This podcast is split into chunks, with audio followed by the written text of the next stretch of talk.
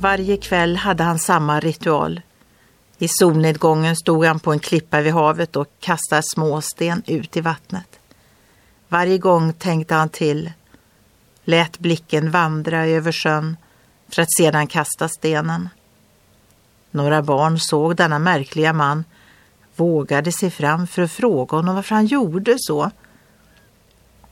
Mannen var den berömde författaren Victor Hugo som länge hade levt i landsflykt.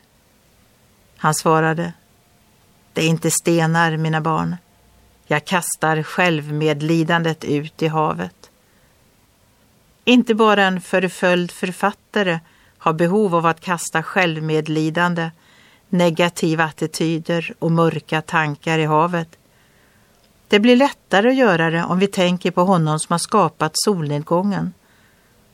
Om honom säger skriften han ska åter förbarma sig över oss och trampa på våra missgärningar. Du ska kasta alla deras synder i havets djup.